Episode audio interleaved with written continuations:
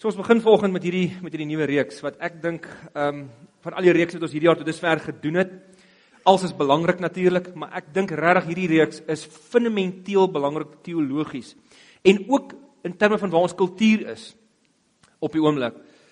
Ehm um, en ek wil begin eers jou die vraag te vra. As as ek vir mense na aan jou vanoggend sou vra, wat is die lewenshouding wat jy se persoon inneem? Wat sal hulle vanoggend vir ons gesê het? Jy weet, as jy oor die algemeen, jy weet, joyful, loop jy loop jy met vrees, is uh, jy sinies, loop jy met vrede, suspisie, geïrriteerdheid. Wat wat is die basiese lewenshouding wat wat jy uitstraal en wat jy gee vir die mense om jou? Miskien is dit nog 'n 'n ding om hulle te vra, wat is die primêre emosie wat jy by my opgetel het die laaste 2 maande? Nie nie gedagtes nie, emosie. Wat wat projekteer ek julle uh, uh, na julle kant toe? Nou die vraag is wat behoort vanuit 'n geestelike perspektief, vanuit 'n Bybelse perspektief, wat behoort as mense nou al die lewenshoudings en alles wat belangrik is op 'n skaal se kon plaas en jy se kon vra, wat is die mees en ek bedoel regtig, die mees fundamentele lewenshouding wat 'n mens moet inneem? Wat sou dit wees? En ehm um, nou en dan dan kom daar so 'n 'n fliek na vore wat vir ons uh so 'n lewenshouding illustreer. In 1965 al ken julle almal The Sound of Music. En uh wat begin met daai ongelooflike uh sang van the the hills are alive. En net dis net 10 jaar na die Tweede Wêreldoorlog en na die donkerte en pyn van hierdie Tweede Wêreldoorlog herinner hierdie fliek ons that the hills are alive with the sound of music. Bedoelende dat hierdie die donkerte wat ons beleef het tydens die Tweede Wêreldoorlog is nie al wat daar was nie. Daar's iets dieper as dit aan hierdie lewe. Daar's iets belangriker as dit. Daar's iets meer fundamenteel daaraan. Daar is 'n lied aan die fondament van die lewe wat geselebreer moet word, het Julie Andrews ons geleer. Wat belangrik is. Ten spyte van die ewel in hierdie wêreld, ten spyte van die Hitlers wat die wonder probeer steel, ten spyte van 'n klomp van die donkerte wat ons moet beleef. Wat ons baie keer beleef in die lewe. Onlangs was daar dat daar's baie sulke flieks wat uitkom wat eintlik profetiese stemme het in ons tyd. Nog een wat so 'n paar jaar gelede uitgekom het was 'n fliek in naam van Hairspray. En ehm um, dis half die is ek wil nou nie ek wil nou nie vir die Sound of Music aanhanger sê dit is soort van die moderne Sound of Music nie want Sound of Music is 'n klassiek. Maar dit het my nogal baie laat dink aan baie van die dinge wat na vore kom in die fliek. So kom ons kyk net gou vinnig net na die opening klip van hierdie fliek en dan dan gaan selfs ons verder.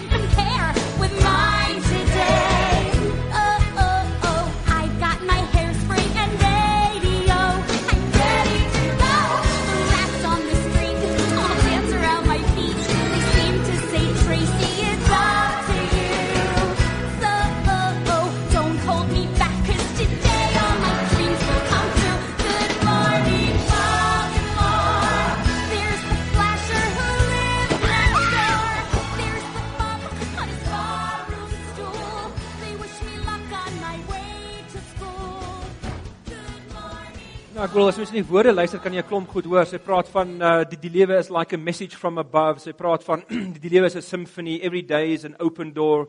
Every night is a fantasy. En ehm um, dis haar manier om om iets uit te druk van van hierdie lewe is dieper as bloot net die materiële goed wat ons sien. Hierdie lewe is meer as net die elke dag mundane rotine wat ons deurloop. Daar's iets meer aan hierdie lewe. Daar's iets bewonderings bewonderenswaardig aan hierdie lewe. En dit is so ongelooflik om dit te sien wat baie mense verloor hulle sang. Die lewe druk dit uit ons uit. Baie mense verloor hulle lied. En daarmee verdwyn daar 'n klomp ander ongelooflike belangrike goed ook. En ek ons dink Uh en dis waaroor ons gaan praat hierdie volgende 4 weke. Ek het aanvanklik gedink dit gaan net 3 weke wees, maar ons gaan nou 4 weke met hierdie topik besig wees. Um ons en, en deur hierdie 4 weke gaan ons basies vir julle twee goed sê. Die eerste is dat bewondering die mees fundamentele skill is wat ons moet aanleer om gelukkig te wees, om goeie verhoudings te hê met mense om ons en om vir Here te leef. Dit is dit is om in die konteks te leef van bewondering wat jou wat jy uiteindelik lei na geloof.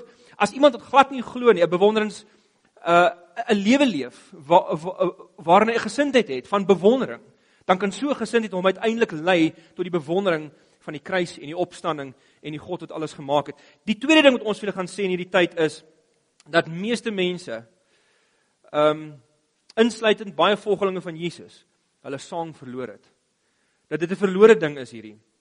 En uh dat ons dat dit iets is wat ons baie vinnig moet aanleer as ons die wêreld wil, bereik en as ons ons volle potensiaal wil bereik in die Here. So net so 'n paar gedagtes oor die oor die wow van die lewe. Net so 'n paar goed. Die heel eerste dingetjie, ek het net drie puntjies vanoggend, baie baie vinnig en kort. Die eerste een is die Jesusbeweging. Is 'n tradisie van bewondering oor die lewe wat uitloop op oorgawe um, oorgawe en lof aan God as die gewer van alles. Ons kan glad nie agter die Here aanstap effektief as ons nie hierdie gesindheid het nie. Van die Ou Testament af, ehm um, was daar hierdie tradisie van bewondering. Kyk in die lofpsalms, dis waarom ons sing. Waarom sing ons? Waarom sing ons as gelowiges? Waarom, jy weet, ek wil iemand vra nou die dag vir my, hoekom het julle bands in die kerk? Dit is net nou ou wat buite die kerk is en hy glo glad nie. Jy weet en hy hy, hy het vir my gesê, ehm um, Jy weet om te sing in die kerk is vir hom een van die mees onplesierige kerkaktiwiteite. En uh en toe ontmoet hy die Here. Nou sing vir hom een van die lekkerste goed wat daar is. Nou ek sê te hom, met wie wat as die Christelike verhaal waar is? As Jesus is wie ons dink hy is, wat die Bybel omskets om te wees, hoe kan jy emosioneel neutraal staan teenoor so iets? Dit is nie 'n neutrale boodskap nie. Dis iets wat jy van binne af vernuwe wat jou nuut maak wat jou heeltemal ander perspektief behoort te gee. So van die Ou Testament af kom hierdie tradisie, die Psalm tradisie. Ag, God het al begin toe die skepping gemaak het en elke dag teruggekyk en gesê, dis dit is goed wat gemaak is. Hy het selfs die dinge wat hy geskep het bewonder. Hy hy het die skoonheid daarvan raak gesien. Dis waarom hy dit geskep het. Maar ek wil nie vanoggend een van die gewone tekste die Ou Testament lees soos die Psalms of Psalm 19 of of uh, of Psalm 108 wat ou altyd leef as jy praat uh, lees as jy praat van bewondering nie. Ek wil dit uit die Nuwe Testament uithaal, uit die lewe van Jesus. En hierdie is 'n baie baie interessante ding waar ek net nou 'n bietjie meer gaan sê, maar as jy na die evangelie, die vier evangelies kyk, En jy kyk, daar's altyd 'n paar groepe mense in die evangelies. Jy het Jesus se disippels, jy het die hierdie skare, jy het die demone wat teenwoordig is, jy het ehm um, die fariseërs en die skrifgeleerdes en Johannes praat van die Jode wat altyd Jesus se teenstanders is. As jy kyk na die mense wat Jesus volg en dit uiteindelik wie se lewens tot geloof lei, en jy sien eh, jy kyk na mense wat hulle wat uiteindelik sy disippels word, dan sien jy hierdie een gemeenskaplike ding by hulle almal. Hulle is verwonderd oor wat Jesus doen. Oor wie hy is.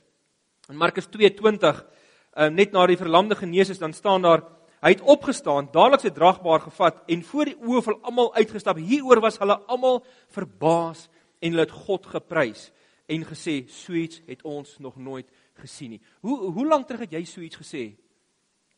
Omdat jy bewus was van wat die Here gedoen het of van van een of ander skoonheid wat jy raak gelees het in hierdie lewe. Almal was verbaas, maar in kombinasie met hulle het God geprys. Dit was 'n absolute verwondering geweest waar hulle gestaan het. Ag daar's so baie van hierdie. Ek lees net enkele tekste. Lukas 7. Almal was met onsag vervul en het God geprys. Is net na die seun in Nain uit uh, die dood opgewek is. In Lukas 9 net nadat 'n verlamde seun genees is, almal was verslae oor die grootheid van God. En dan natuurlik na die opstanding in Lukas 24, dan staan daar Petrus het egter opgespring en na die graf toe gehardloop. Toe hy uh, daarvoor oorbuk, toe sien hy net toe sien hy net doeke. Vol verwondering oor wat gebeur het, is hy terug huis toe. Net 'n paar verse verder terwyl Jesus aan hulle verskyn het, staan daar terwyl hy dit sê, dis Jesus, wys hy vir hulle sy hande en voete. Toe hulle van blydskap en verwondering nog nie kon glo nie, sê hy vir hulle, "Het julle iets om te eet?" Dis 'n lekker ding om te vra. Ja, as julle ook so verwonderd, kom kom, kom ons eet. Klink na 'n goeie ding om te doen. Kom ons selebreit dit. Hierdie is die belangrike ding wat ek en jy moet begryp en verstaan.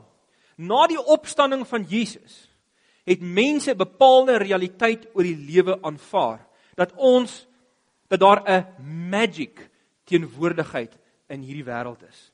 Nie magic in die okkultiese sin van die woord nie, magic in die evangeliese sin van die woord dat die wêreld betower is met die heerlikheid van God. Maar dis 'n interessante ding wat in die evangelies raak lees. Net nou meer daaroor, maar baie mense het dit nie gesien nie. So helder en so duidelik soos wat hierdie heerlikheid is, so helder en so duidelik soos wat hierdie betowering en magic veronderstel is om te wees vir almal sien nie almal dit raak nie, maar hierdie is die realiteit na die opstanding van Jesus wat mense aanvaar en dit het die antieke wêreld verander, hoor. Selfs mense wat nie eens geglo het nie, het later hierdie ingesteldheid teenoor die lewe begin hê. Dat die ganse lewe is gevul met drie goed: waarheid, goedheid en skoonheid. En oral waar hierdie goed teenwoordig is, binne 'n kerk of buite 'n kerk, in die lewe van 'n gelowige of in die lewe van 'n ongelowige, oral waar hierdie drie goed teenwoordig is, is die Here aan die werk en is sy heerlikheid onmisbaar.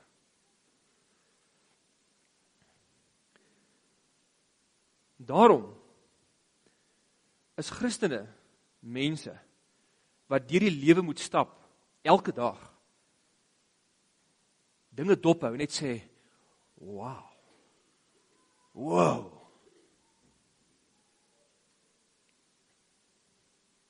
Selfs al dink die res, daar's nie veel om raak te sien nie. As jy vir Charles Taylor, 'n Kanadese Katolieke filosoof, sou vra, kan jy vir my voorspel of my kind wat nou 3 of 4 jaar oud is of wat 10 jaar oud is of hy eendag gaan glo in Jesus? Kan jy dit vir my voorspel? Dan sal Charles Taylor vir jou sê, dit hang af van wat sy environment hy of sy groot word. Word hulle groot in 'n environment van wow, 'n gesindheid van bewondering, En daar Karel kan jy vir ons daai slide opsit. Of word hulle groot in die BT DT BT wêreld? Been there, done that, bought a T-shirt. Niks impres ons meer nie. Ons is verveeld met alles. Niks is meer cool nie. En dis die een ding wat die tegnologie so positief soos wat tegnologie is, wat die tegnologie vir ons bring is, niks impres ons meer nie. Ek bedoel die, die goed beweeg so vinnig, jy wow jouself gedurig oor wat hier gebeur En uiteindelik as jy dit genoeg doen en jy het genoeg Facebook en jy doen genoeg van hierdie goed, dan impres letterlik niks jou meer nie. En baie daar's 'n nuwe geslag besig om op te groei, jong geslag, 'n energetic geslag, 'n mooi geslag.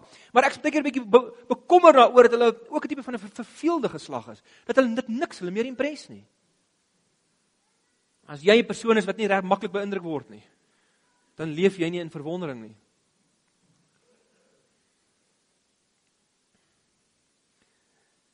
Charles Taylor sal sê as daai kind se suurstof wat hy elke dag inasem, die is van verwondering aan die lewe, dan is dit eendag nie moeilik vir hom of haar om 'n opgestane lewende Christus te aanvaar nie.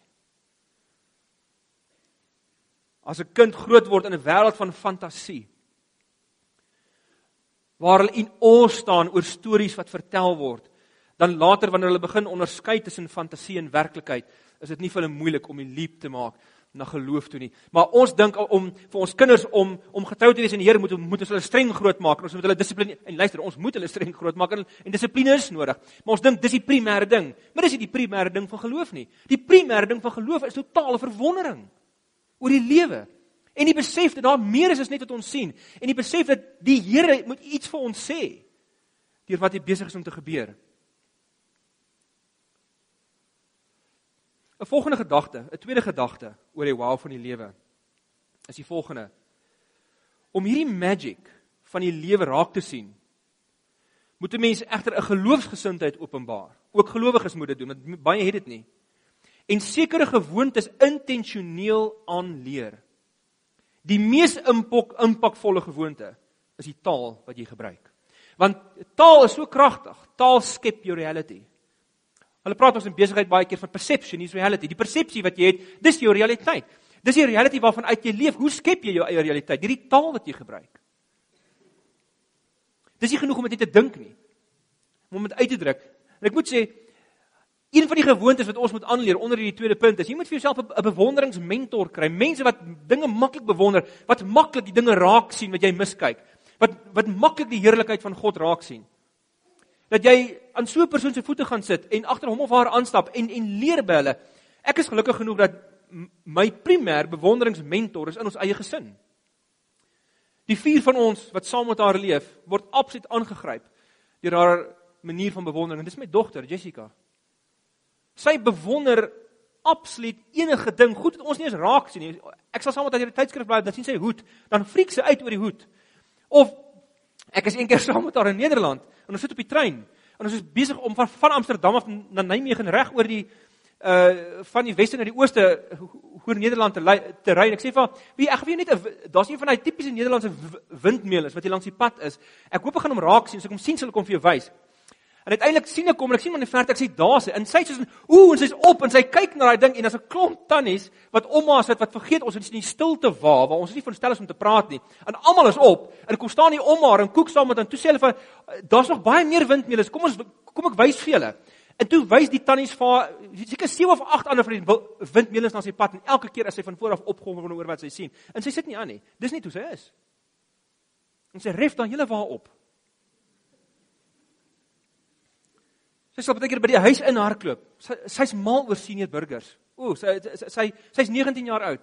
Maar sy's mal oor oor ouer mense. Dan storm sy baie keer by die huis en sê sy, "Mamma, ek het ek het net die oulikste oulikste oom gesien. Mamma, mamma sy oë net sien. Hoe beautiful is sy oë." So vir so iemand kom geloof baie makliker. So iemand deel makliker met die moeilikheid van die lewe. Is jy nuuskierig en leergierig oor die lewe? Omdat jy dit bewonder, Is daar bewondering in jou huwelik?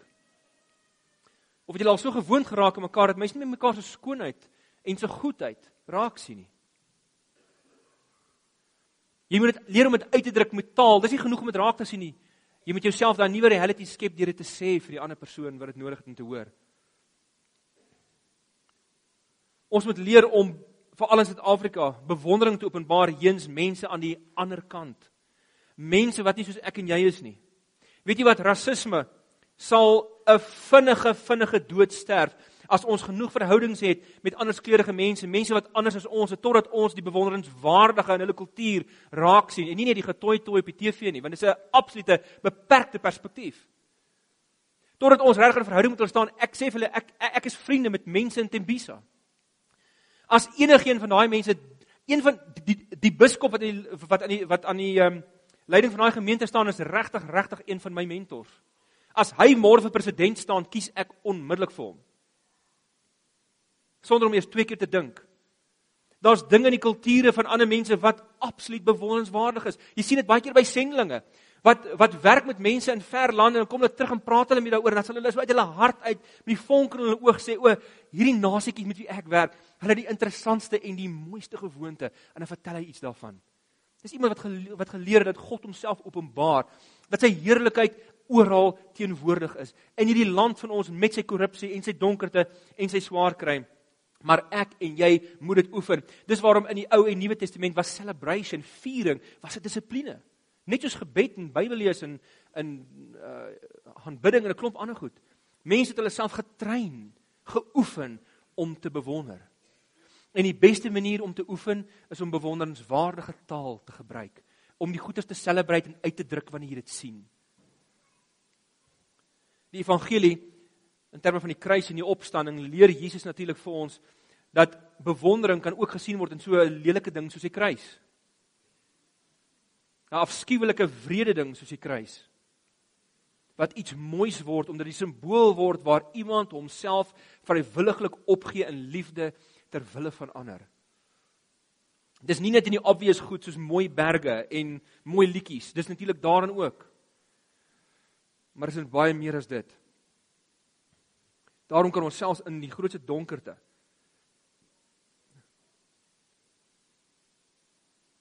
bly bewonder. Bewonder beteken nie om in ontkenning te leef oor realiteite nie. Maar bewondering word die konteks en die lens waardeur ons hierdie ander realiteite interpreteer sodat dit vir ons beter sin maak. En ons almal weet hoe hard die lewe kan wees. Ons het vanoggend met Niels gepraat oor mense wat mense aan die dood afgestaan het. En hierdie is die boodskap van die skrif. Moenie dat die lewe jou bewondering steel nie.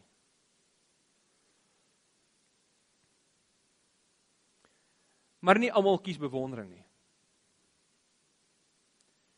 En om teen bewondering te kies, of dit nou bewuslik of onbewuslik is, is uiters gevaarlik. En dit bring ons by die derde en laaste puntjie. En dit is mor, kla, geïrriteerdheid, woede en knorrigheid is die vyand van bewondering. En is uiters gevaarlik vir jou geestelike gesondheid.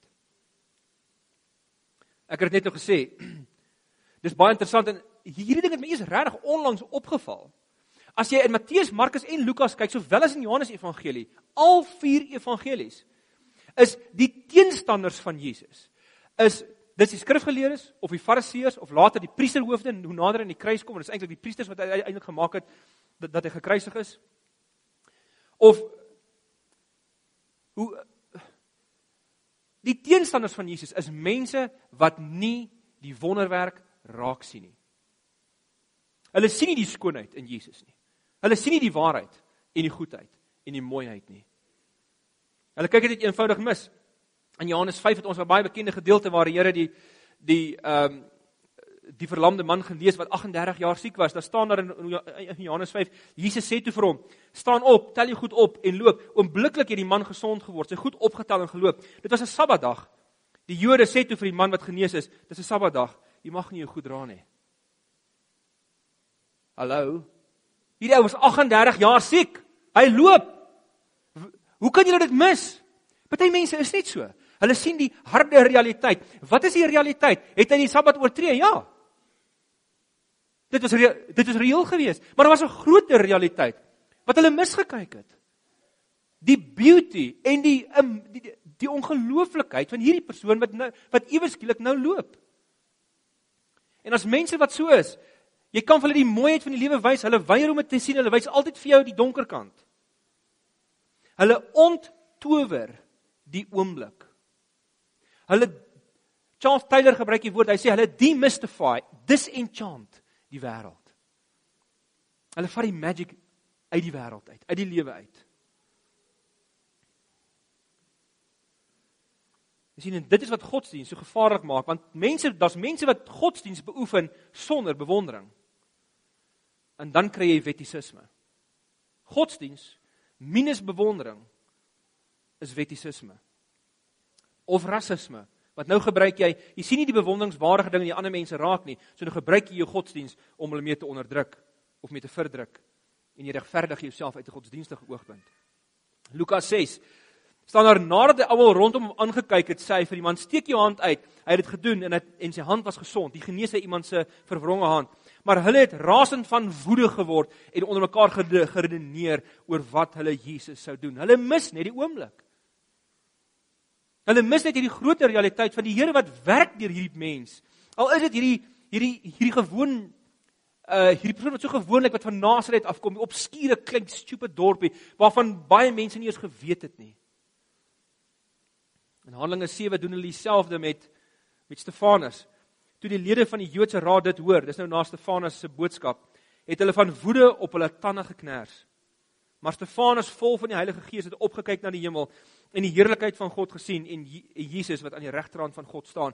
Hieso is Stefanus, hy's vol van die Heilige Gees. Daar's 'n frase wat 'n paar 'n paar keer deur Handelinge 6 en 7 herhaal word wanneer Stefanus sy toespraak maak. Dan word heeltyd gesê hy's vol van die Gees. Hulle sien dit nie. Hulle sien nie die Here is hier aan die werk nie. Al wat hulle sien is hulle belangrike teologiese opinietjie en dat hierdie ou moet hulle verskil in terme van dit waar hulle dit waarin hulle glo. En hulle mis die bewondering totaal en al. En hier is die boodskap van die Bybel. Sonder bewondering as jy 'n bewonderinglose lewe lei en jy trek daai streep reg deur tot die ewigheid in beteken dit jy beweeg reguit na die hel toe. Want om Jesus te aanvaar in geloof het jy bewondering nodig. Jy het jy het 'n gesindheid nodig van om te sê wow vir dit wat hy is en doen en gaan wees in my lewe sak ek op my knieë neer. Ek's bereid om die minste wees. Hy hy is die meeste. Ek wil niks anders ken of leef nie. Die lewe word ewe skielik vir my beautiful omdat ek deur die bril van die opgestaane Christus na die wêreld kyk. En daarom het het um, C.S. Lewis Lewis het 'n stukkie kommentaar geskryf oor ehm um, dele soos Romeine 1:18 waar waar Paulus sê God op God openbaar van uit die hemel nou reeds sy toren. Met ander woorde ja sy woede oor hierdie goddelose wêreld.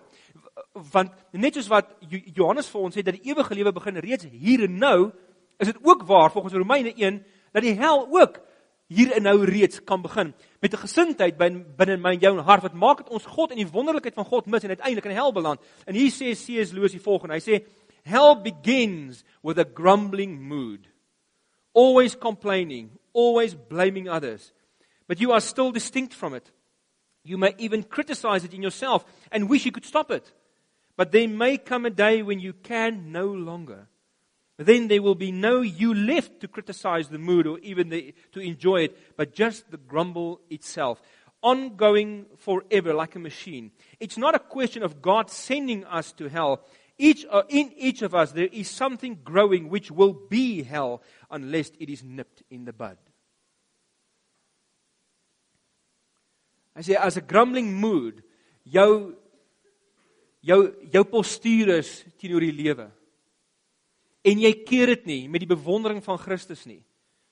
Dan beteken dit dit sal dit sal groter groei en groter groei totdat jou totale mens en jou totale potensiaal so verdwyn dat net die grommery en die geknor oorbly en jy sien God nie meer vir wat hy is nie. Jy kan nie meer aanbid nie in die belang binne in die hel.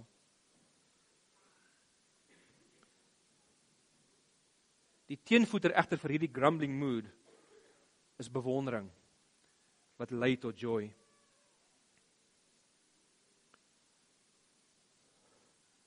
Maar ek wil hierdie gedeelte net afsluit. Teenoor diegene van ons wat die hardheid van die lewe al so 'n bietjie beleef het. Want dit is moeilik wanneer jy deur donker te gaan of deur depressie of deur siekte of deur werkloosheid of deur 'n egskeiding of deur 'n kind wat homself vervreem van jou en steeds te bly bewonder. Daarom moet ons die voorbeeld vat van vroeë Christene soos Paulus hulle in Handelinge 16 is hulle rustig geslaan. Hulle voete is in blokke vasgemaak, hulle kan nie beweeg nie. Daar staan op hierdie bevel het hy hulle in die binneste sel opgesluit en hulle voete in die houtblok vasgeklem. Maar teen middernag was Paulus en Silas besig om te bid en tot lof van God te sing. Hierdie ander gevangenes, skus die ander gevangenes het na hulle geluister. Hoe kry jy dit reg? Deur 'n gesindheid van bewondering. Hulle het nie hulle lied verloor nie. Hulle het nie hulle sang verloor nie. Selfs in die donkerste uur sien en hier's die belangrike ding wat ek en jy moet onthou. Wanneer ons tot geloof kom, dan join ons die community van mense wat reg deur die eeue gekies het om te sing. Ons gesing in die donkerte, ons sing in die lig, ons sing wanneer dit goed gaan, ons sing wanneer dit sleg gaan. Want niemand kan die bewondering van die opgestane Here ooit van ons af wegvat nie. Ons sing om die ganse skepping ons join. Ons sing omdat die skepping ons voortgaan. Omdat ons die sang erken wat deur die eeue in die lewe gesing word deur die lewe en deur die skepping self en ons join dit en wanneer ons in die Here toe kom dan erken ons alles is is is ongelooflik. Sy grace wat hy vir ons gee is actually amazing. Die God wat ons aanbid is inderwaarheid 'n God van wonders. Ons sing omdat Jesus opgestaan het. Ons sing omdat God leef Ekskuus, omdat ons leef in God se betowerde werklikheid. Kom ons reageer op die Here. Op hierdie betowerdheid van die opgestane Here. Op die gepaste manier, die beste manier wat ons kan. Mag die genade van ons Here Jesus Christus en die liefde van God die Vader en die bewondering wat die Heilige Gees in ons wil, wil skep by ons elkeen wees en elkeen antwoord. Amen.